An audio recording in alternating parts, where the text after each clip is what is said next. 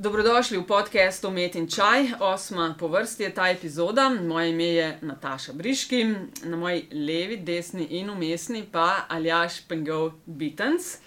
Aljaš, živijo. Živijo. Uh, naslov danes, um, ne vem, kaj takšnega za stojn kosila, ni skratka razpravljala bo o koruptivnih praksah uh, v novinarstvu, o darilih, stopnicah, vrečkah, uh, o tem, mogoče malo kaj je embedded žurnalizem, teh potovanjih v Bruselj, ki jih plačujejo razne organizacije, um, o vlogi novinarskega časnega razsodišča. No, in zdaj smo pa pri uh, naslednjem koraku, da bo naša debata še boljša. Sva z Aljažem v studio povabila. Kolegico, gospod Ranko Ivelja, novinarko in urednico pri časniku Dnevnik in predsednico novinarskega časnega razsodišča. Ranka živijo. Zdravo, pozdravljeni. Velika čast nam je, da si danes z nami tukaj, ker bo zelo pomagal osvetliti tudi strani načrja ene določene zadeve.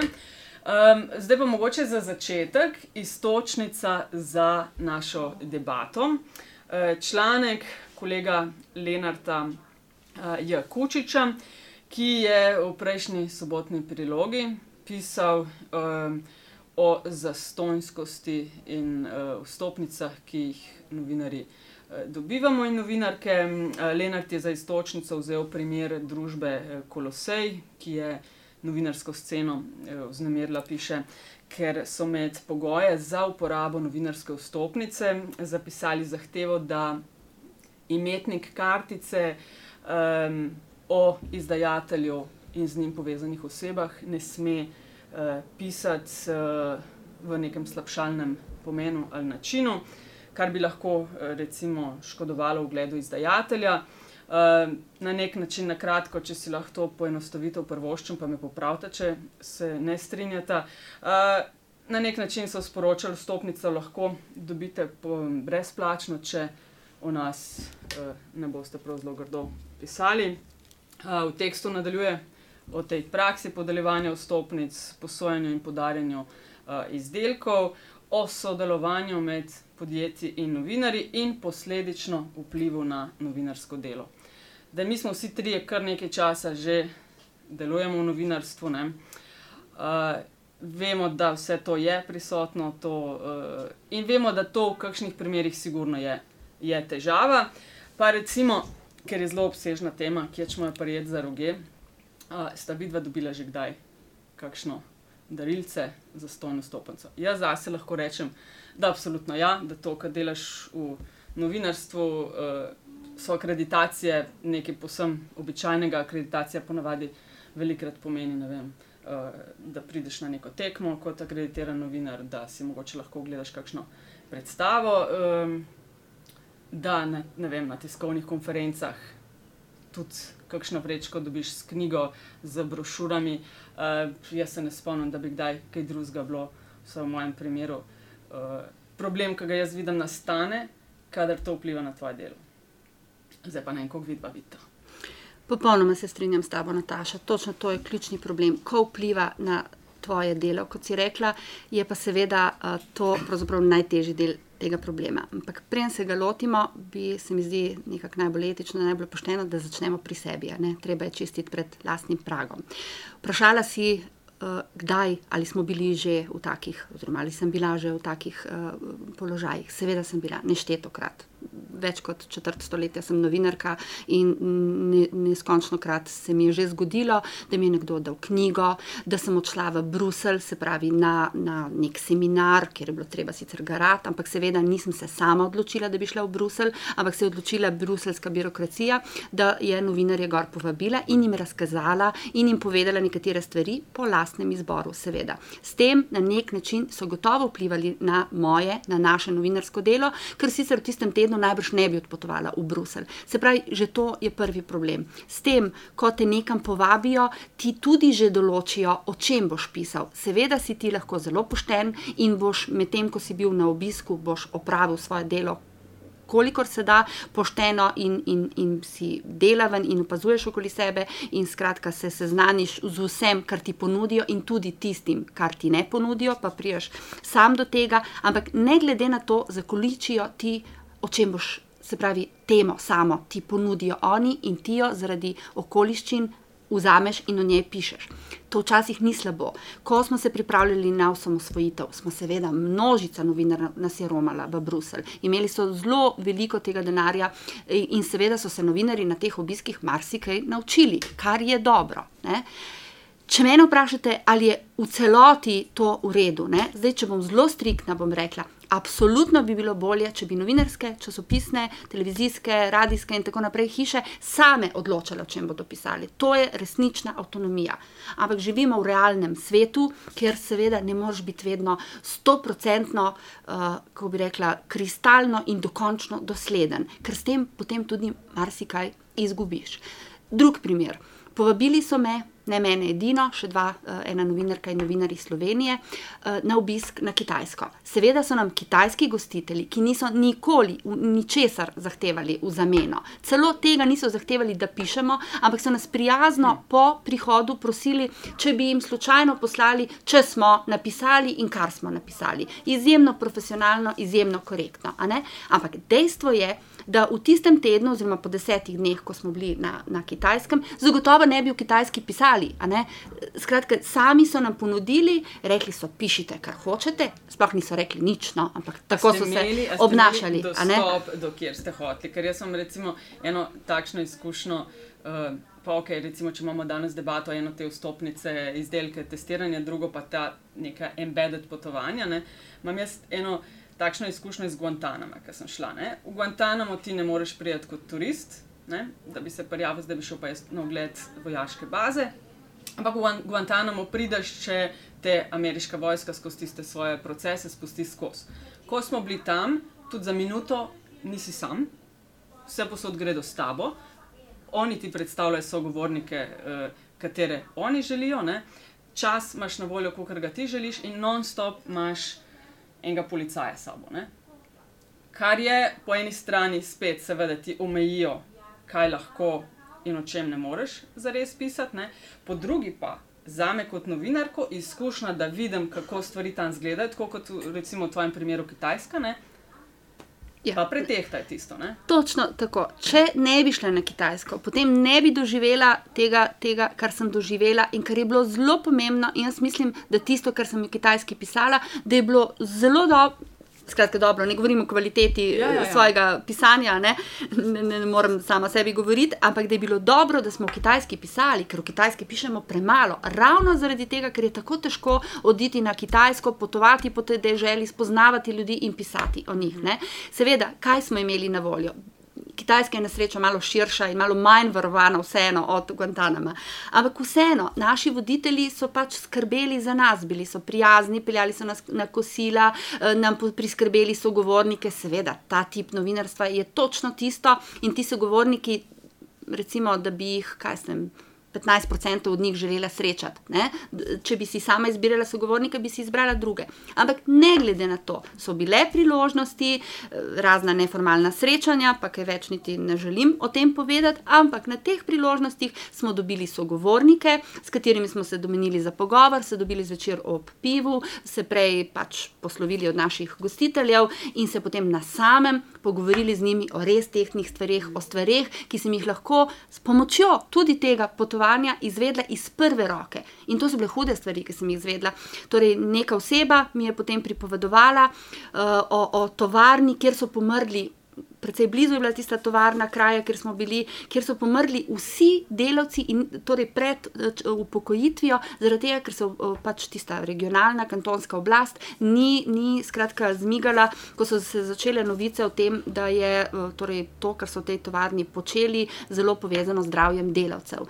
In med drugimi je bil to tudi nekdo, ki je bil blizu tej osebi in cel kup stvari. Recimo, spraševala sem to osebo, kako ob teh uh, zaporah interneta interneta na, na, na kitajskem, kako pridejo do informacij. Povedala mi je, in tega tu ne morem povedati, povedala mi je, na kakšen način prelisičijo oblast, na kakšen način prelisičijo zapore, torej te zapore na internetu, ne, torej ovire, ki jim postavi uh, oblast, oziroma ti, ki, ima, ki nadzorujejo internet, in kako vseeno pridejo do informacij. Skratka, vse, kar sem zvedla, je bilo zelo pomembno za me, z veseljem sem napisala, seveda pa je bilo težko in če bi sama si izbrala Ja, način potovanja. Zavesti, ne, da, Tako. In mislim tudi, da je v takih primerih dobro bralcu povedati, kako si odpotoval tja. Da vedo, da vedo kje se bi lahko bil tvoj konflikt interesov ali pa je bil konflikt Mm. interesov.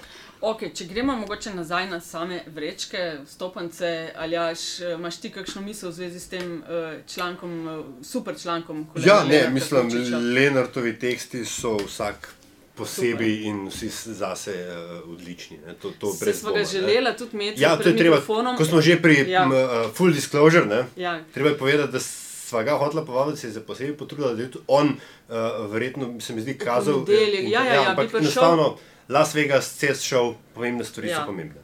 Um, zdaj, skozi vse te najne pogovore, ne, imam jaz en tak rdečo nit vlečem in sicer, da meni gre blazno na jetra ta. Zdaj se mi zdi že kar pogojni refleks novinarjev, da se moramo stalno nekaj opravičevati in pojasnjevati. Ne? Um, zakaj bi bil ne, to, to, kar, o čemer Lenart piše? Ne, uh, zdaj imam vendar nekaj problemov s tem tekstom. Ne. Ja. Um, on je pisal o stvarih iz pokrivanja tehnologije. ne. Stvar, ja. stvar ima tukaj eno specifiko. Če se ti, in jaz mimo grede sem na začetku moje kariere, če lahko rečem, uh, tudi pokrival uh, uh, bolj tehnologijo ne? um, za nek drug radio, nek drug, nek drug radio, nek drug medij. Um, A veš, te, te goodie bags ne, so tam, imajo relativno veliko vrednost. Včasih si prišel na novinarsko in si dobil mobilni telefon, vrednosti 300, 400, 500 evrov. To piše Tako. tako noter. Ne? Vstopnica za, za teater za, za, ali pa knjiga in tako dalje, maksimalna vrednost od vem, 35 evrov. Recimo. A veš, in, in, in že tukaj vleč en, eno usporednico. Ne. Ker reči, da se je vem, novinar pa zdaj prodal, če je, če je o, o, lepo pisal o predstavi za vstopnico, ki gre za 35 evrov, mm -hmm. ki si jo verjetno lahko kupi. No, e, viš, tle imam jaz eno vprašanje. Recimo, prav malo sem šla računati. ne. K- Konkretno je ono teh vstopnicah, ja. gledališče, recimo tudi kino. Ne? Leto ima 52 tednov. Če greš vsak teden, da imaš eno kritiko filma, eno kritiko gledališča in podobnega, film stane nekih 6 evrov, eh, te pride 300, dobrih 300 evrov na leto. Ne? Eh, Recimo, da so gledališke predstave malo draže, pa pridem do nekje 750, pa eh, recimo koncerti isto. Ne? To je dvakrat po 750 plus 300. To je 2000 evrov na leto. Zakaj se pa gremo, če ne moremo si teh kart, recimo, Ah, ne, mislim, ne, sami? mislim, da je tukaj za nekaj drugega, namreč še nekaj, še nekaj drugega moraš to vedeti. ne. Um, sej ni samo en novinar, ki to pokriva. ne. A Veš, in, in Ja, ampak nimaš- nima na- pa redakcije ampak- desetih, ampak, vem, ampak nasploh, recimo, gledaj, tle, ne, na radiju Kaos smo mečkim bolj ta kulturno, kulturno sredino spremljal. ne. A, Se mi zdi, da je celo obratno.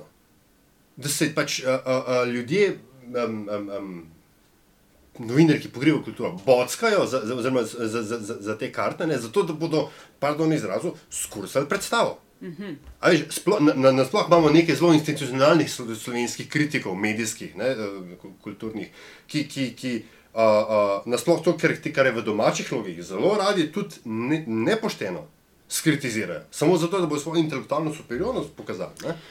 Mislim, da si se tu dotaknil, morda ne hote, ampak zelo nevarne dileme. Rekl si, uh, bockajo se in skratka prizadevajo si dobiti te, uh, te, te karte in te zadeve, zato da bi skurcali predstavo. ne. Zdaj, nikoli, noben kritik si ne prizadeva, ampak si prizadeva dobiti karto, uh, zato da bo pisal o predstavi. Če je ja. kakšen tak, ki si ga ti omenil, potem je to že uvodoma Ja, ja. nekaj, nekaj zelo narobe, Mogoče- ampak tu govoriš o drugi temi. Mogoče, ja, Ne mogoče sem se predvsem ja. ja. n- n- n- hotel sem povedati to, da je um, en sindrom drug, ne, ki ga v, v, naših, v naši branži meškim premalo. Ampak to je treba ne. ločiti. Tu Ja, ja, za ne. dve ločene stvari. Če imajo koloseju, a ne, pisal je kolega Kučič o koloseju. Tako Če ja. imajo kol- v koloseju težavo z teksti novinarjev, Mhm. če se jim zdi, da recimo, bom Ja. uporabljal tvoj izraz, pa naj bral, eh, poslušalci, O. ne, no pa ga ne bom. Skratka, ga ne bom. Skratka, eh, če imajo težavo s tem, da grdo pišejo Mhm. novinari, da pišejo ne vem, nepoučeno, eh, da, da mm, zmerjaško ali kaj takega, Mhm. potem naj se s tem Neprofesionalno. ubadajo. Potem naj se ubadajo s tem. Če, čeprav, ne, še enkrat ponovim, najbolj fajn bi bilo, in moji, moje kolegice, recimo, ki pišejo na dnevniku o gledališču, o filmu, bi bile najsrečnejše na svetu, da jim ni treba uh, imeti nobenih zastonskih vstopnic, ker si potem, potem si popolnoma. Uh, skratka, čist, a ne tudi globoko v sebi, Že, ne ampak- čutiš ampak niti podzavestno ampak neke hvaležnosti do tistega, ki ti je omogočil, da si si nekaj zastonsko Ampak ravno, pogledal. ta dilema, zakaj bi moral biti komorkoli hvaležen, če je neki instituciji, filharmoniji, drami, komorkoli, v interesu, da ima kakršno koli izpostavljenost. Ker, ne, sploh, če smo na področju Mhm. kulture. Ne, kultura je, je premalo, sploh v dnevnih. Dnevni medijski produkciji, da ima sploh kakšno koli izpostavljenost, pa če tudi je slaba, v končni fazi ni, ni slabe No kritike, pravijo. ne. ja. Ne, In, in, zdaj, in zdaj pa, če smo pa na, na primeru Koloseja, ne, um, se strinjam, katastrofa v smislu in PR-ja in arogance in tako dalje, ne, ampak koliko, pa, am- ampak koliko Ja. ja. pa resnih filmskih kritikov v Sloveniji, oziroma drugače, kdo v Sloveniji lahko da merodajno mnenje o filmu? Zdaj le mi naštejte pet ljudi. No, jaz imam svojega kolega, Zdenka Tako, Vrlovca z ne. dnevnika, Ja. ga takoj. On, eh, ne, pa je mogoče Ja. ja. zdaj komato Pa še jih je, delo, pa še, a, veš, ampak a, a, ho, ho, hoč, hočem ti reči to, da je, da je peščica teh ljudi, vsi ostali, ne, ki pa, ki pa, Pridejo ki, pa poz- na ki so pa, ki so pa freeloaderji, ne, uh -huh. veš, je pa bom pa tako rekel, je pa, je pa čisto vse en, kakšen odnos imajo pa oni pa, pa, pa kolosej, ker bo v vsakem primeru, če, če, če uh, se samo šlepajo na te, na to te je karte. ne. premislek, ki ga mora spet kolosej. Vse koloseju, od koloseja nihče ne zahteva, da da jaz zadnja, Ja, ki bi ja. kaj takega, Ja, da ja. da vsem. Ne? Mogoče pa oni vedo, kdo je profesionalen. Vseeno pa to, kar so napisali, to je, to je No, žaljivo, žaljivo za, za sam kolosej in žaljivo za novinarje. Skratka, držite se kodeksa, ampak ne smete pisati v slabšalnem pomenu. Okay, zdaj to je, mogoče, da to samo- je Samo e- ena, ena druga, čisto, ne, ker, ker uh, iz prve roke vem, ko je Ana Netrebko prišla v Slovenijo, koliko kulturnih novinarjev v narekovaju je imel kar naenkrat direktor filharmonije na telefonu. Ja, vsaj kakšnih Tis- desetkrat ne, več od običajne 1800, številke. 1800 zahtevkov za karto je dobil. Ampak to morajo oni, kar se mene tiče, moraš ti kot nosilc podeljevanja nekih kart vedeti, kdo so tisti, ki pišejo. Recimo, jaz se spomnim, ko sem uh, v Združenih državah uh, se akreditirala za recimo teniški Grand Slam v New Yorku. Ne? Oni od tebe zahtevajo.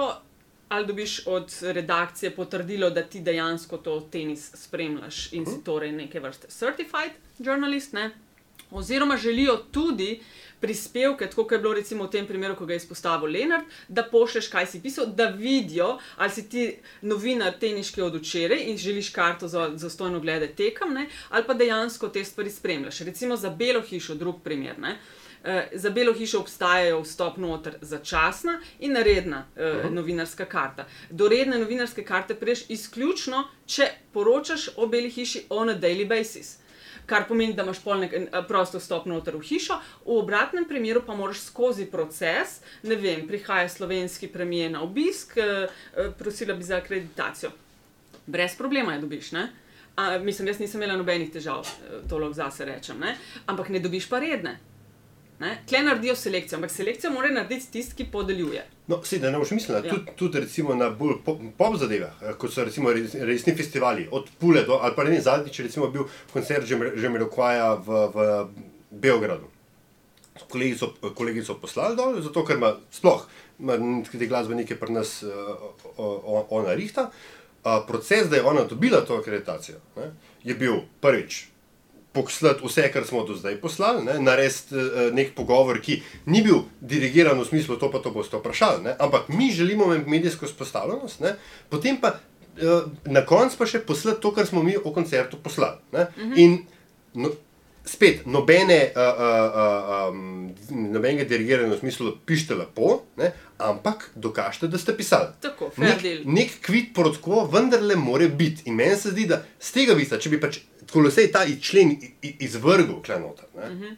veš, mislim, da bi bila cela stvar. Čeprav je včasih tudi to, a ne, da če nekaj greš, moraš pisati. Že to meni ni všeč. Oh, no, Lahko me, recimo, če bi bila filmska kritičarka, grem pogledat nek film, morda ni vreden, vreden omembe. Morda ga je treba pogledati in reči, da to smo videli že 150 krat in ni vreden omembe. Namreč vsi vemo, da je tudi slaba reklama, dobra reklama. ne. Ampak, a poročamo se vsake popolna avtonomija bi morala biti, če govorimo o enem popolnem svetu. Tako kot je rekla Nataša, nekdo izbere, kdo se je s svojim preteklim delom dokazal, da je profesionalen, da kaj razume, podeliti tistim ljudem, seveda bi manj ljudi pisalo o tem, in potem jim prepustiti popolno avtonomijo, ali pišejo in kako bojo pisali. In nikakršnih zahtev v smislu, ne smete slabšalno, ne smete škodovati Ma, sej, ničesar od tega. Meni se zdi, da iz, iz, iz tega vendarle mičkim preveč. Uh, uh, uh, uh, pre, Mogoče malo potenciramo. No, Ja. ampak, No, morda Ne, jaz ne, mislim, ne, da ni to ne- ključna zadeva, Ja. Ko govorimo o korupciji v novinarstvu. ne. Mislim, jaz sicer seveda. no, ja. Predno nadalj, uh -huh. nadaljuješ, Ranka. Imate pravila, kakšna na dnevniku, glede teh darilc, stopnic in podobnega, kaj se lahko dobiva? Imamo nepisana pravila. Jaz mislim, da vsakdo ve, da si ne more privoščiti, da ga nekdo uh, mu omogoči, recimo, turistično letovanje nekje, kjer bi mu potem nekaj predstavili. Jaz mislim, da je to je nepisano pravilo, ampak da ga popolnoma vsi uh, torej, zastopijo, da to pravilo obstaja. Ne. Vem, recimo, da moja kolegica, ki pokriva politiko, absolutno striktno nikoli ne gre na kosilo, ki bi ga plačal uh, politik. Nikoli. Uh, če slučajno gre na kosilo, kar je po mojem čisto dobro, ker je tega osebnega stika danes itak premalo, ne, potem plača ona. Sebi Tisto zagotovo kosilo, tako evrov, ja. še pri kavah včasih komplicira. Kava, Ja. recimo, po mojem, ni taka reč, ampak boljše je. Manj, ko se pustiš ujet v te mreže, boljše je. Ne? Jaz mislim, da bi bilo zelo dobro, ko bi vsakdo imel napisana pravila, se pravi, ne vem, do 20 ali pa do 30 evrov lahko uh, vzameš, več ne, ga moraš zavrniti, striktno zavrniti. se mi zdi, da se da na nas postavlja to včasih, no, ok, nas, mi smo vsem nekaj časa že v tem biznisu, ali pa vsaj tisti, ki začenjajo kariero. Ne? Ja, Eh, V stisko te spravlja. Točno lahko to. Ne smeš, in če imaš jasna pravila strani redakcije, uredništva, medija, Zlasti mlade, neizkušene novinarje, včasih vidim neke vrečke, so kozmetike, so take stvari, celo pustijo ti, ker imaš potem, uh, jaz hvala Bogu se ne ukvarjam s tem področjem, pa tega nimam, ampak opažam pri kolegih. In potem te celo spravijo v tako nerodno situacijo, da ti pustijo tisto vrečko. Se, se pravi, moraš prijeti tisto vrečko, jih poklicati, zapakirati, poslati, odnesti nazaj. Mislim, skratka, jaz tu apeliram tudi na tiste, ki ta darila podeljujejo, naj ne počnejo tega, ker je preprosto nespodobno. a Ne? Potem je včasih, recimo, eh, ti podarijo kakšno knjigo in potem opaziš, da je ta knjiga 35 evrov, recimo, nek slovar. Kaj boš zdaj naredil? Boš užalil tistega, ki ti je dal. Najbolj, najboljše bi bilo, da bi se tega tudi druga stran zavedala in ne spravljala novinarjev v take, take nespodobne položaje. Jaz včasih Ja. se hecam, ampak rečem, lejte, moja cena je mnogo višja. a ne.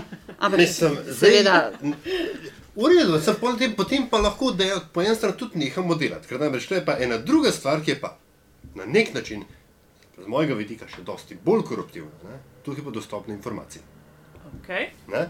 Namreč, ne? prej smo govorili pa o tem, malo je povezan, mogoče. Ja, ampak- Absolutno, ampak- ampak Prej smo absolutno, se govorili o tem, da veš, ti greš gledat film, dobiš knjigo, ali pa greš na Kitajsko, ali pa greš na ja. končne vaje. Jaz sem bil na nekih kvazi turističnih potovanjih, kjer je šlo za to, da neka firma globalna predstavlja svoje rezultate. In fakt je, da so oni takrat za me zapravili dosti več, kot so dobili do mojega poročanja. Ne? Ampak, um, kakorkoli, hočem reči to, da vsak mrente nekam usmerjajo. Ne? In seveda, kaj pa je drugega kot postnovinarsko konferenčni spin, ki ti ga en dober PR-ovc naredi. Ne? In ti pa kaj, zdaj on ti tam neko zgodbo predstavi, ne? in zdaj pa tako, če boš ti približen se držal te smeri, ki je on nekako začrtal, tudi podzavestno, boš, kot se temu reče, v krogu, in loop. Uh -huh. ne?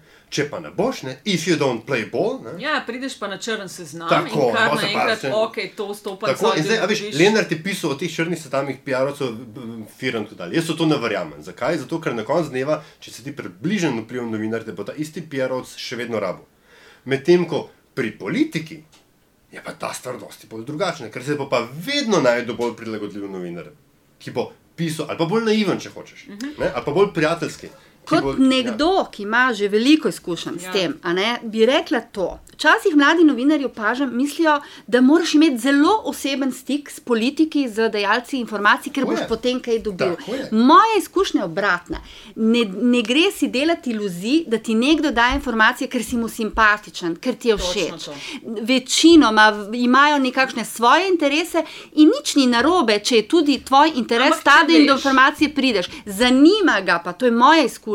Neštetokrat ga zanima, kako bom to informacijo uh, uh, obdelala. A jo bom preverila, bom to napisala tako, da bo preverjeno, da ne bom zraven še kaj napisala, kar ni res, kar bo tudi slabo luč najn vrglo in tako naprej. Skratka, na koncu bo med zelo simpatično novinarko, ki bo pila kavo z njim, mogoče izbral tisto, ki ne bo tako simpatična. Recimo moja uh, osebna, ko bi rekla, obramba je tudi, da, da recimo ljudi, ki jih srečujem na nekih stvareh in, in jih recimo poznaš deset let, kolikor se да долго викам. Ne, S tem, da vzpostavljaš distanco. Ker recimo nek sindikatalist, recimo, ne, Ja. ti je grozno simpatičen, on ima seveda svoj pogled na stvar in zato moraš vzdrževati distanco, ne, tudi osebno v sebi, zato da tudi ti eh, si mogoče kdaj čisto nehote, podzavestno.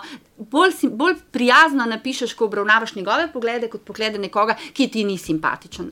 Skratka, mislim, da je zelo pomembno, da si profesionalen in tudi viri, ne tudi tisti, ki potem ostanejo anonimni, ki jih, ki jih ščitiš, ker pač zaradi določenih okoliščin ti bojo zaupali, če boš s tem, če boš z informacijami ravnal profesionalno. No, in o čemer koli pol na koncu govorimo, pridemo do istega zaključka. Ne? Koliko nekdo profesionalno opravlja svoje delo. Ne?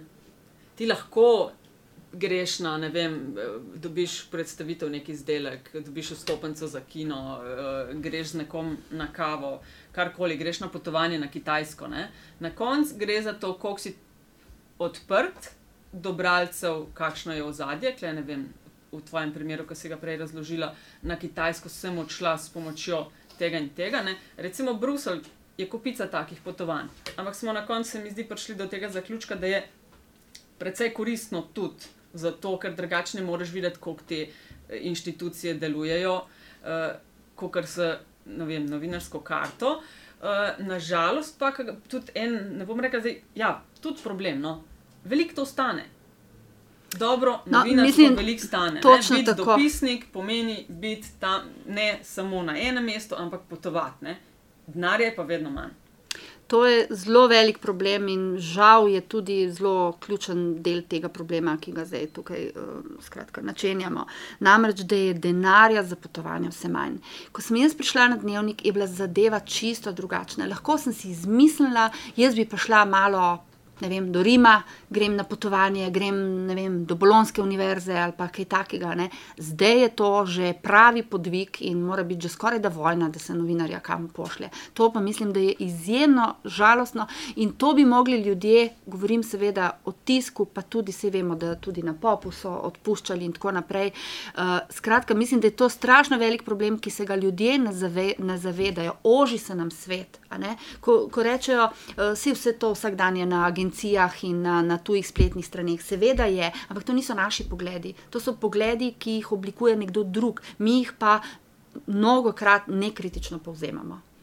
In še to bi rekla, o, ko govorimo o korupciji. ne, Treba upoštevati, še, da se uh, novinari imajo svoje interese. Če izgubijo to službo, kje se bodo zaposlili. Novinarski svet v Sloveniji je majhen. Uh -huh. Mi imamo koliko, pet, šest pomembnih časopisov, eh, tri, štiri eh, televizijske ja. postaje.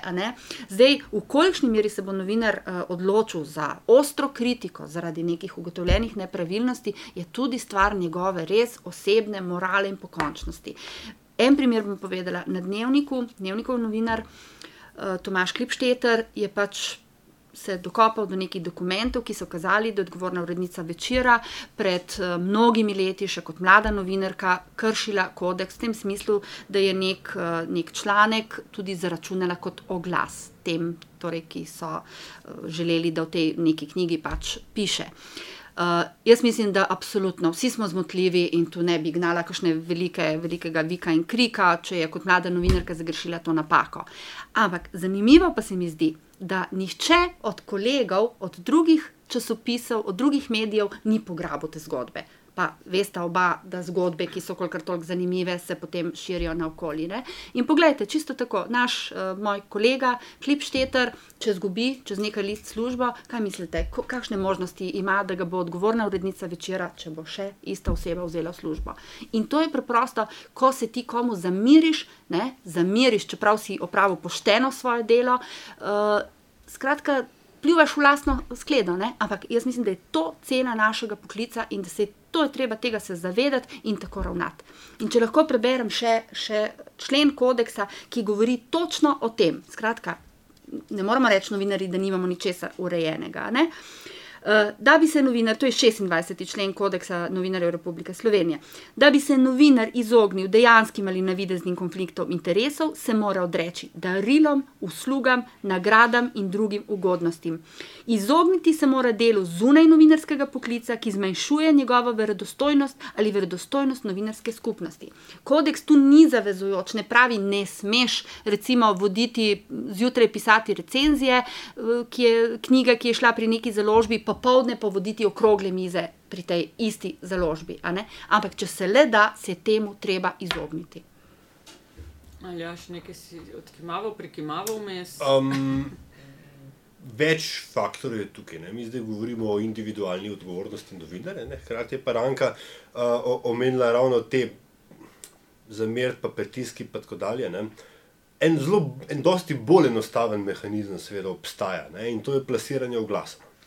Veš, te uh, darilce, pa freebie in tako dalje, to, to je že, že zelo fino, fajn. Ne? Ampak tisto, kar, kar s čimer uh, uh, sploh uh, komercialne družbe, ne, zelo, zasebne družbe vplivajo na komercialne, rekel, podjetja, ne, vplivajo na predvsem komercialne medije. Ne? Nacional, nacionalni mediji tukaj je, hvala Bogu, mečkan izuzet, ravno zaradi uh, financiranja skozi elektriko ali kaj že. Um, to, da, da, da pač obstaja ta zavest v. v Mal Trumanšova. Ne, da veš, ampak, ampak eh, pred časom, zelo dolgo časa nazaj, se je financam zgodilo to, da je neuradno mobitel ukinil glasno akcijo, zato ker so finance zelo pokritizirale. Obračunavanje SMS-ov iz močarije, nekaj je bilo. Sploh so vsi govorili, da to ni to, ne? ampak sočasnost dogodkov, ne, se pravi to, da je mobitel umaknil glase z financ in uh, pred, tik pred tem objava zelo kritičnega članka, je bila. A lahko samo en ja. stavek dodam, ni bilo samo na financah, delo, uh, dnevnik, dnevnik, pardon, po, dnevnik tako po prevzemu tako. oblasti strani Janša, nismo dobili več enega oglasa od državnih ampak, ampak to je bila, pazi, to je bilo že politično, tukaj govorimo čisto orang tema. Ja. E ampak, ampak, ampak kaj veš, hočem reči samo to, da ne gre samo za to, da je novinar sam v vprašanju eksistence. Veš, stvar je, bo rekel, z tega vica uh, dosti širša. Ne? Se končni fazi se lahko tudi pri vprašanju te šest, ne? ali pa kjerkoli druge, bom rekel, uh, uh, močne uh, zgodbe. Ne? Se seveda lahko vprašaš, ali novinar, ki to piše, piše res tako, kot bi pisal, če bi imel svojo eksistenco zagotovljeno v nedogled. Ali pa mogoče v uh, uh, ali pa prevze, pri prevzemu časnikov, smo, uh, smo imeli isti problem. Ali bo zdaj pač uh, uh, laščan uh, dopustil, da se o njem ali celo o, o samo upravi družbe piše kritično?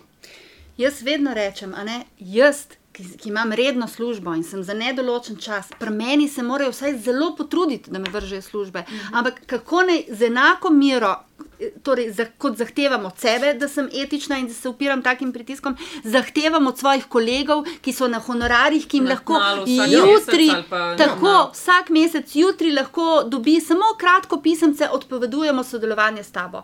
In to je ta problem te prekarnosti, ki lahko uniči novinarstvo na dolgi rok. Ampak kje pa vidite, mislim, rešitev tega, ker denarja ni videti, da bi ga bilo kmalu več za te uh, novinarske vsebine, kar pa je več, ali pa mogoče sem sam jaz na to na nek način občutljiva ali pa opazen, ker me zelo zanima, je pa silno nezadovoljstvo na eni strani, ok, če imamo eh, rejtingi politike, eh, državni zbor, politične stranke, ampak tudi mediji. Ne? Ljudje so silno razočarani, češ sam negativizem, eh, prehuda tabloidnost, ni več resnega novinarstva. A resno novinarstvo stane? Ne? To ni 5 evrov na mesec, kot je piano, pa še tisti piano jih ima par tisoč samo. Ne? resno novinarstvo stane. Si povedal, koliko je recimo bil proračun tega eh, vašega tripa na Kitajsko? Žal ne vem. Žal, ne vem. je Zanesljivo, če bi hotela iti sama, jaz mislim, evrov, po gotovo. 3000 evrov ali pa 2000 evrov se skoraj da ne bi No, mogli pogovarjati. to iz svojega žepa? Točno tako. Je. In poglejte, še to se dogaja, zdaj z, zaradi tehnologije same. Ne? Recimo, dnevnik objavi ekskluzivno informacijo. Zadnjič smo imeli objavljeno informacijo o skrivnem romanju nekega patra v, v uh, Rim. Ne? Torej, recimo v sredo je ta članek išel, ne? ne, ne vem, če je bila sreda, ampak recimo. Isti dan, zjutraj ob 8. je bilo to že na Sijolu, so sicer pravilno napisali, kot je poročal dnevnik. Zakaj bi še kdorkoli šel prebrati to na časopis, če je lahko celo zgodbo prebral na vseh platformah, vse potem so druga od druge. Ja. a ne? Wow, hude teme odpiramo, Ja, ja, vsak Ja, ja, svojo no, oddajo. hočem reči, zaradi tega. Kvari, informacija je lahko še vedno zelo kvalitetna, ampak na trgu nič ne stane, na trgu je zastojn. Jaz včasih povem, Ja, ne, samo, ni, ne. Ja, ni, Glih to, seveda ni. veš, Je brezplačno, ni pa zastonj. Tako, veš, Tako, to, ja. to, to, o čemer se mi tukaj pogovarjamo, vključno z darili in tako dalje. Ne, mi, a veš, mislim, da tukaj gre za neko novo ekonomiko žurnalizma. Ne, Ja. Pa ne rečem, da je seveda to prav, ampak je pa dejstvo, da je ravno zaradi tega, kar je uh, Ranko opisovala, nastal tako informacijski kot finančni vakum. Ki ga pač z relativno majhnim vložkom, kot je knjiga ali pa mobilni telefon ali pa tako dalje, ne, ker je za firmo to majhen vložek, ne, Seveda. a, a, v bistvu zapolnijo in dobijo dosti večji izplen. Ne? E, In vprašanje, kaj lahko en, predvsem mlad, ker sploh ti zanimivo tehnologijo večinoma mladi novinari pokrivajo, ne, ne, vem, ne vem zakaj je to ampak najbrž generacijsko. Um, veš, kaj, se, kaj seveda tukaj narediti? Če boš ti seveda postavil pravila, ne- nekaj tako bom rekel zelo omejujoča, ker se recimo nam zdijo normalna ali pa ne, mogoče meni, recimo, da bi celo lahko o njih debatiral, že čisto zato, ker bi. Ne? Um, En mlad človek bi rekel, dobro, pa zakaj bi jaz to pravzaprav počel?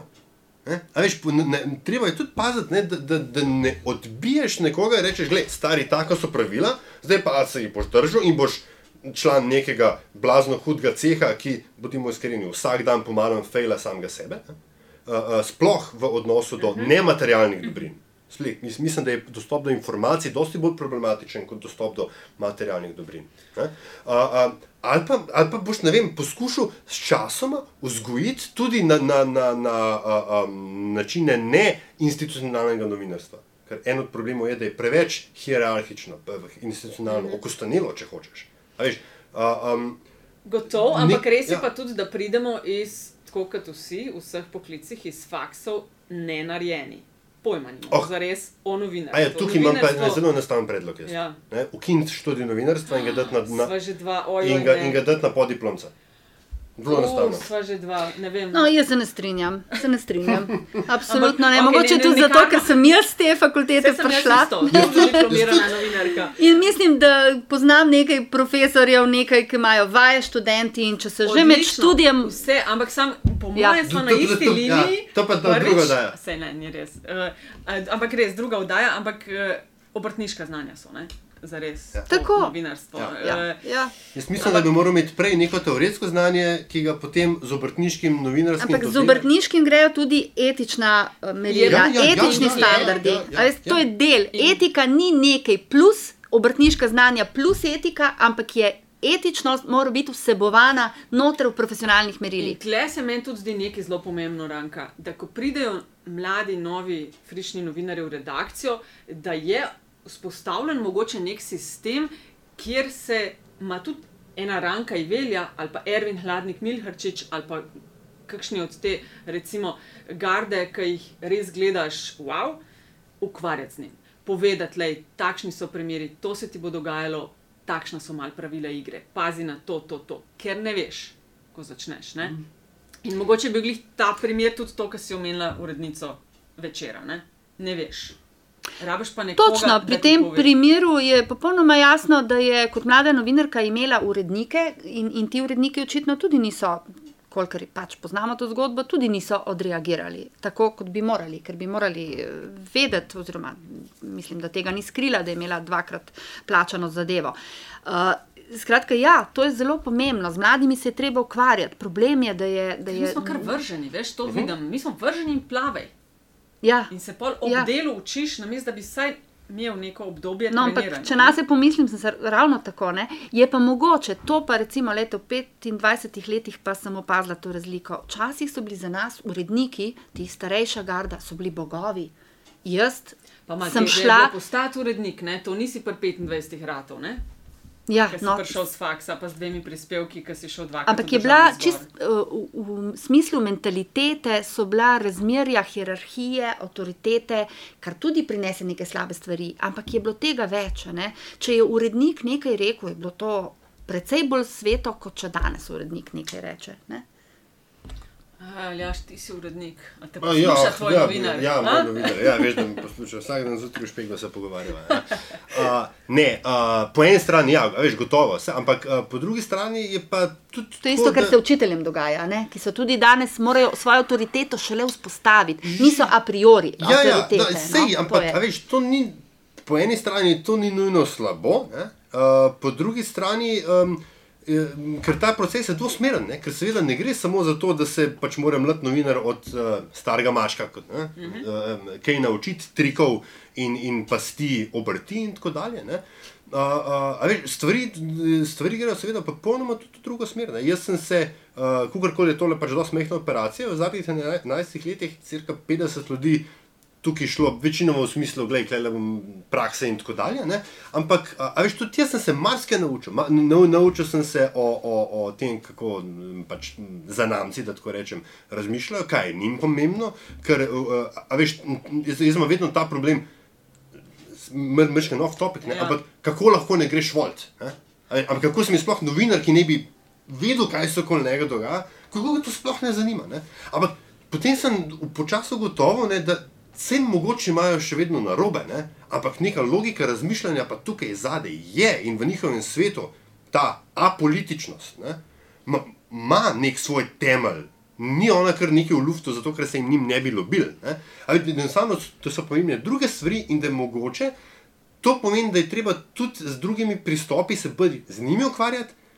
In če hočemo biti, sem rekel, ne zanemariti neke mlade generacije, ki ne bi še vedno bila medijsko pismena, ne, a, a, tudi drugi, na, na drug način te stvari predstavljati. In tukaj, a veš, zato pravim, da je, se, tudi, se mi zdi, da se mora urednik celo življenje učiti. Ne, vse prepo... Absolutno, da ne, a Ja. veš, ker si starejši, se nimaš pa česa naučiti. Daleč od tega, jaz tega nisem tako razumela, moram reči. ne. Ja, seveda. Ampak so pa, a veš, malo abecede, čist delovanja, malo. Se Sej, nekaj na faksu, ja, učiš pa sprožiš. že, se ampak- ampak po drugi Ampak strani- vseeno je pa recimo ena ranka bila na ene sto večjih potovanjih, na sto večjih konferencah, kot nekdo, ki je včeraj začel. Ja, ne. ampak- Par tipov ima lahko. Ne, ne, ne, ne gled, ne. go- gotovo, vse to pravim, veš, eh, tri, tips in triks, to absolutno.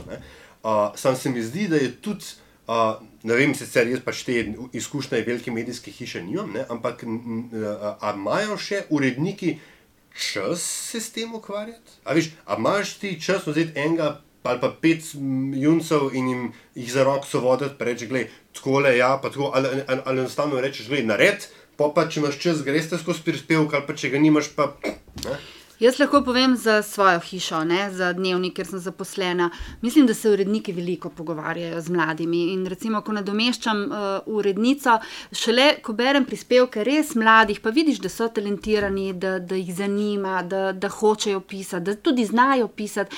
Ampak recimo naletiš na probleme, ki ki se ti zdi po tolikih letih, da ne obstajajo več, oziroma sploh jih ne zaznaš kot problem. Pa bom konkretno povedala, recimo, ena mlada novinarka si mi rekla: Poglej, tole sem prebrala, ne razumem, kaj naj bi to pomenilo. Ne? In je rekla: Ja, veš, ampak so mi tako napisali. Ne? Zeka, lej, ne glede na to, da si dobila uraden odgovor, tem birokratom vrni ga, reči naj natančno napišejo, ali pa če ti iz tega lahko razumeš točno, kaj so hoteli povedati, moraš tako povedati, da bo bralec razumel. In to je samo en mali primerček, ampak tega je ogromno. a ne.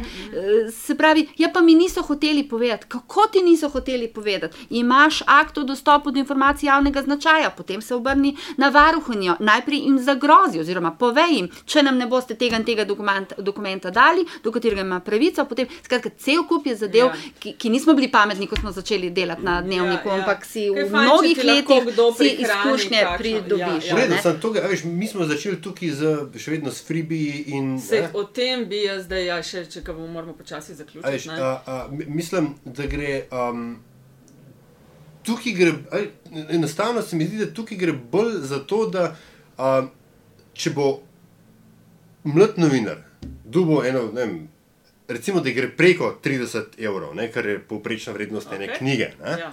um, uh, da, da bo pač nek tak freebie dubo eno potovanje, pa tako dalje. Ne, se meni, mislim. Pa sem res lahko zdaj tukaj sam načel, načelno pameten v smislu, da stojim po, po, po koprivah je najlažje, ker ne, spet naj prvi vrž kamen tisti, ki ne, ga kako že Nima. nima, ne, in tako dalje. Um, Enostavno, mi, mislim, da se mu je treba, enostavno se mu je treba za njegovo dobro pustiti, da se speče. A veš, Lej, ne moreš ti, se ti, jaz kot, ti, kot, mislim- ti kot urednik, Ja. ne, seveda, imaš, moraš biti sposoben tako zgodbo poštopirati. Ja, ne. sem, ko govorimo o teh vrečkah, ne more se on peč na teh tiskovnih konferencah, da mu ti ne poveš, kaj on s tistim Ne, ne, ne, ne, ne, sej- ne, Olajšali bi mu delo z jasnimi pravili. Ja, ne? že, ampak, ampak Pravila on, on, moramo on imeti. mora ugotoviti, kaj veš, pravila se, se uh, to je No, ironija. pa nima kaj ugotavljati. Čak, on ne, ne, ne, veš. nasprotno. Nasprotno on, uh, pravila se vzpostavljajo samo skozi njihovo kršenje. To moraš vedeti. Namreč, ker uh, samo ko bo se on spekel, ne, spet, eh, mi smo govorili o Kati Šeluga. Ona prekleto dobro ve za razvojne zgodbe. Zdaj, ona je bolj sposobna govoriti o tem, kaj je prav in kaj je narobe, kot kdorkoli drug. Lej, ki mogoče ni šel skozi. Novinar, ki včeraj pride v redakcijo, če ve, aha, več kot 50, ali pa tako, poslanci imajo 50 evrov. Ne? Tako, Ja. ja. Če Ja. ve več kot za 30 evrov, če je vrednost več kot 30 evrov, ne smemo vzeti, pika. Ko nekdo pride do njega s tistimi vrečkami, oprostite, ne smemo vzeti. In je konec debate, nimaš kaj več. Se Kaj pa, če peč. bi rekel, nočemo vzeti? Se to hočemo, ne? Hočemo, da reče, da nočemo vzeti. Ne, on razloži, ne rabiš reči nočem, to je mogoče samo mogoče malo, malo agresivno, ne vem, zakaj, zakaj nočemo. Prostite, v redakciji imamo pravila igre takšna, hvala lepa, se zahvaljujem, ampak ne hvala. Zdaj, da se ne bom spomnil njegovega imena. Lažje mu je, ne? lažje je novinarju, absolutno mu je olajšana zadeva. V tem je, seveda pa mora biti novinar tudi sposoben reči: ne, Ja, poglejte, Vem, to je Nočem. preveč, jaz ne bom da vzel. Nočem, jaz hočem, Pika. pa kadijo. Ja. Ja, vem, Ja, ampak, nočem. ampak gledaj, recimo, bil je, zdaj sem direkt pozabil, kako mu je ime, ker je, ker je uh, umrl takrat, ko sem jaz bil še bolj na začetku, ampak za Radio Slovenije je pokrival tehnologijo. Pozabil sem, žal mi je, ker se ne morem spomniti. Ampak to je starejši novinar, ki striktno nikoli ni vzel ničesar drugega razen presrelisa. Striktno. Tudi na po, te po kavice, tako da sploh ni hodil, nič od nič od nič. Veš, ampak, je, ampak on je bil že takrat fenomen. Veš, tako da danes, ne vem, no, i, i, jaz razumem in, in seveda se na, načelni ravni ne morem drugače kot strinjati ne, z nekimi, bom rekel, pač, pravili, ki, ki bi bila. Ampak jaz hočem samo to reči, da taka pravila ne bi zdržala kleša z realnostjo. Mislim, da lahko celo kontraproduktivna. Jaz pa mislim, da bi. Uh, recimo, veš, ti bom povedala, zakaj. Tudi, um, ko, je, um, ko se pogovarjam z ljudmi, ki delajo v PR-u, odnosih z javnostmi in poskušajo dobiti tuje novinarje v Slovenijo. Ne, jih poskušajo tudi privabljati na razne načine, pa to bo plačano, pa ono bo plačano, pa tretje ne bo plačano. Ja. V primeru kolegov iz velikih redakcij, tudi nekaj jih sama poznam, ne govorim New York Times, CNN in podobno, takoj povejo: oprostite, tega ne smem sprejeti. Pika, konc debate. In vejo, da nekoga iz New York Timesa ne bodo dobili z tremi flaškami ne vem kakšnega vina, ki je na trgu vem, 50, 60, 100, 500 evrov. Ne, ne smemo. Takšna so pravila. V redu. Jaz bi mogoče še nekaj uh, povedala, da ne bi s to našo debato zapeljali poslušalce, da bi mislili, da zdaj nam delijo te, te Ja, darila in naenkrat bomo tako zelo korumpirani. Pa Ja. ja. jaz mislim, da večina nas preprosto, da so to malenkosti. Jaz moram še drugo stran povedati. Recimo, večkrat so me že povabili, da sodelujem na nekaterih, eh, recimo, nekaterih seminarjih, memorialih. Enkrat vem, so me povabili suicidologi, eh, da bi pripravila, da bi analizirala časopise, kako časopisi eh, torej, eh, obravnavajo samomor. Tri dni dopusta sem si vzela, doma sem bila, pregledala sem pet eh, časopisov, mislim, da za pet let in se mi je potem kar bruhalo, moram povedati, od tega, kako so nekateri novinari obravnavali samomore in svojce in tako naprej. Mimo grede, enega dečka, ki je pravkar izgubil očeta, so vprašali, kako se počuti in so ga skratka snemali s kamero. Skratka, ogabno. Skratka, jaz sem to vse pred, pri, pripravila, imela sem predavanje 45 minut. Zahvalili so se mi in jaz sem bila neskončno srečna, da so se mi zahvalili, ker lahko že In, in, in to je bilo zadosti, a ne? T- ni treba čisto vse, ven, recimo, ali pa nas povabijo v razna. tega, ste Sam še to, da povem. Recimo nas povabijo na razne okrogle mize in tako naprej, kjer preprosto mm, potrebujejo naše znanje, nek naš pogled. Recimo, tudi danes ste me po- po- povabili, ker sem predsednica načr. Skratka, veliko tega damo, zaradi tega, ker smo, ne da bi hoteli biti tudi javne osebnosti. Ranka, ste kdaj v okviru načrja novinarskega častnega razsodišča obravnavali, imeli kakšen primer ali pa v zadnjem času koga na temo teh nekih koruptivnih praks v novinarstvu? Ne spomnim se, da bi v zadnjih dveh, treh letih obravnavali tak primer. Se pravi, tudi pritožbe nismo dobili uh, in se pravi, tudi nismo nobenega obsodili. Uh, morda tudi zato, ker, je, uh, ker so te zadeve. Niso tako javno razvidne, ne? iz samega članka to ni razvidno. Mogoče le domnevati, ko se pa o nečem domneva, pa seveda je težko nekoga obtožiti. Bi moral natančno človek vedeti, da je napisal eh, PR-ovski članek zato, ker je za to nekaj dobil. a Ne? To, to pa iz članka ni razvidno. Zdaj bi nekaj še enostavno nadaljeval to, kar je pač Ranka prej uh, začela misel. Ne, res ni tako hudo. Seveda ne. Namreč, uh, ker če tudi, ne, pa, pa tudi mislim, da PR-ovci niso tako žleht, da bi pa, pa, pa tako naivni ali pa tako neumni, da bi pričakovali, da bodo za vsako knjigo dobili za nek pozitiv review ali pa karkoli. Ne. Če je temu tako, pol, si upam trditi, da gre 95 odstotkov tega v prazno. Jaz ne. bi rekla tako na, na hiter avtomobilizem, pa turizem, te dve področji jih jaz vidim kot uh, takšne z. Lejte, če bom malo, sovražnika malo nakopala, zoprna, ne, poznam- pa seveda nisem iz. Ne, ne spoznam se na avtomobilizem, ne, ampak vseeno bom rekla, še nikoli nisem prebrala uh, kakšne kritike avtomobila, kjer bi novinar zapisal, ta avto je pa navadna kripa. ne. Skratka, nekako smo navajeni, da, da, da se piše lepo o teh stvarih. Drugo, razumem, da mora novinar preizkusiti avtomobil, ampak ga mora preizkušati celo leto? Najbrž ne, najbrž lahko avtomobil okay. preizkusiš v precej krajšem Zdaj ne vem, času. to To-. No, Zdaj, no, vem, da so nekateri uh, hotel- novinari imeli avtomobile E. za zelo dolge. Pravzaprav poznam enega, ki se je kar naprej vozil z, uh, avtomobili poda- na preizkus. poudarek je tukaj na pretekliku, to sem hotel še reči. Tudi, v, vsaj po mojem vedenju, ne, za morebitnimi izjemami, tudi v tehnologiji ne, so se dobe talanja uh, mobilnikov uh, na Ni tiskovkah tako kot včasih. končale, že nekaj časa nazaj. Ne. In glede na to, kakšne krize je avtoindustrija, ne, si predstavljam, da tudi ni več tega, da bi kar vsak ima pet minut časa, pa mogoče piše o avtomobilizmu, imel. imel Priložnost za testne vožnje. Tako. Ne. Um, skratka, uh, um, dobri časi, oziroma tako bom rekel, priložnost za korupcijo je v dobrih časih več materialno. ne. Zato si mislim, da je treba v nedobrih časih dosti bolj paziti na to, kaj, kaj ti v možganu sedijo, kot kaj ti v roke porinejo.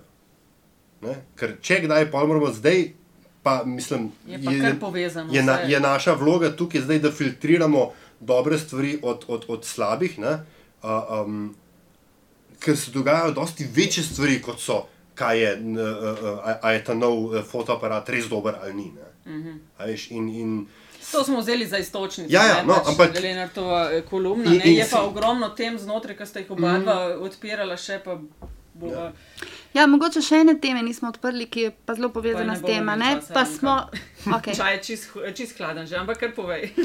Čisto na hitro, recimo uh, politične informacije. Ne? Te, uh, ko potem rečejo, imamo leve časnike in imamo desne, na nek način je tako, če pogledamo, da so uh, recimo, tudi levi, levi mediji so kritični ne vem, do Pahorja, recimo, ki je na levi in tako naprej. Ampak ja. mogoče, ja. Ampak recimo, če postavimo, se mi zdi, da so potem. Vsak svoje, včasih ne vedno, nekako uh, bolj mile pridevnike se uporablja. Nekako, Ja, to je ne, to, o čemer je Aljaš govoril. Ja, zaradi tega, ker si- v glavo oziroma neko Z njimi si povezan, od, z njimi več komuniciraš in to je potem problem. Samo to sem hotela poudariti. Ne?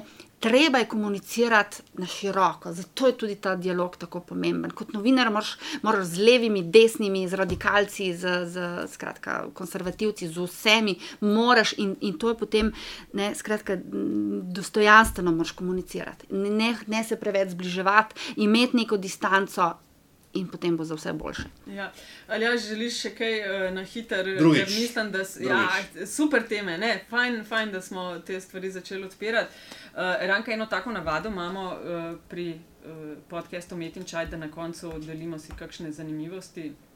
Um, tako da, če se kakšne spomniš, uh, kaj takšnega, kar. Uh, Recimo, mi uh, vemo ali pa ne vemo, no, da ti dam čas za razmislek. Uh, mi dva zalažem je v prejšnji, da je on povedal, zdaj sem na vrsti jaz. Uh, Mal sem se pogooglala in spustila v to, odkot izraz free lunch, to poznata. Uh -huh. Free lunch, ah, zalažem, ne bo nič nogo, upam, da za koga drugega. No. Uh, do rezultatov, do katerih sem prišla, to je ta, a veš, there ain't no such thing as free lunch ko smo govorili danes o teh raznih darilčkih. Ne? No, in free lunch, potem, kar sem uspela najti, je um, tradicija, s katero so začeli v neki drugi polovici v Združenih državah in se je pa v neki obliki prenesla malo tudi v Veliko Britanijo. Ni šlo za vem, razdeljevanje hrane revnim ali kaj podobnega, ampak je šlo za eno prefrigano finto, ki so jo eh, lastniki lokalov v Združenih državah, teh salonov, uporabljali, da so stranke privabljali v svoj lokal. Ne? Običajno je šlo to za tako hrano, ki je bila doskrat presoljena. Uh, se pravi, dobili boste za ston obrok, ampak potem so pa mal podražili pijačo in na koncu nekako so računali, da še vsem bodo oni na plusu. Ne? In na ta račun recimo, povečali uh, svojo prodajo, ampak recimo mesič vsega skupaj tega, da ain't no such thing as free lunch, je ni zastojn uh, kosila, da težko dobiš nekaj za nič, brez uložka. Tako nekako. No? To je bila moja uh, zanimivost, ranka ti kaj mogoče. Ja, strinjam se, res je tako in zato se moramo tega vse čas zavedati. To je pomembno, da veš, da, je na, na nek, da nekdo nekaj pričakuje, tega se moraš zavedati in potem se moraš na to odzvati. Ali tako, kot smo prej slišali, in rečeš: Ne, nič me ne briga, ti mi dej deset vstopnic, jaz bom pisal tisto, kar mislim, da je prav. In to je neka taka etična, uh, moralna integriteta, ki jo moramo novinari gojiti v sebi. In, in če nismo ravno najbolj plačan ceh uh, v Sloveniji in širše, smo pa lahko vsaj skratka, ponosni na sebe in, in na svoje delovanje, in na to, da se nas sliši. In ker se nas sliši in ker odmevamo, potem moramo biti ponosni na to, da odbe, odmevamo v dobrem. Ali ja, ti še kaj, sicer pa obema. Če sem jaz lahko ekskluziran tokrat. Ne, ne čeprav. A, a, a, Ne, če imaš kaj, pa prosim. A ja, tako. A, Ne, seveda. Vse knjige, ki jih vidiš tukaj zadaj, so bile na tiskovkah dobljene. Ja. Bomo lahko to posnela. Okay, obema res najlepša hvala. Upam, da smo uh, poslušalcem in poslušalkam ponudili kakšno novo informacijo. Vidim pa, da smo tudi odprli že nekaj novih tem, bo super tudi v naslednjih oddajah. Hvala obema. Hvala vama. Hvala.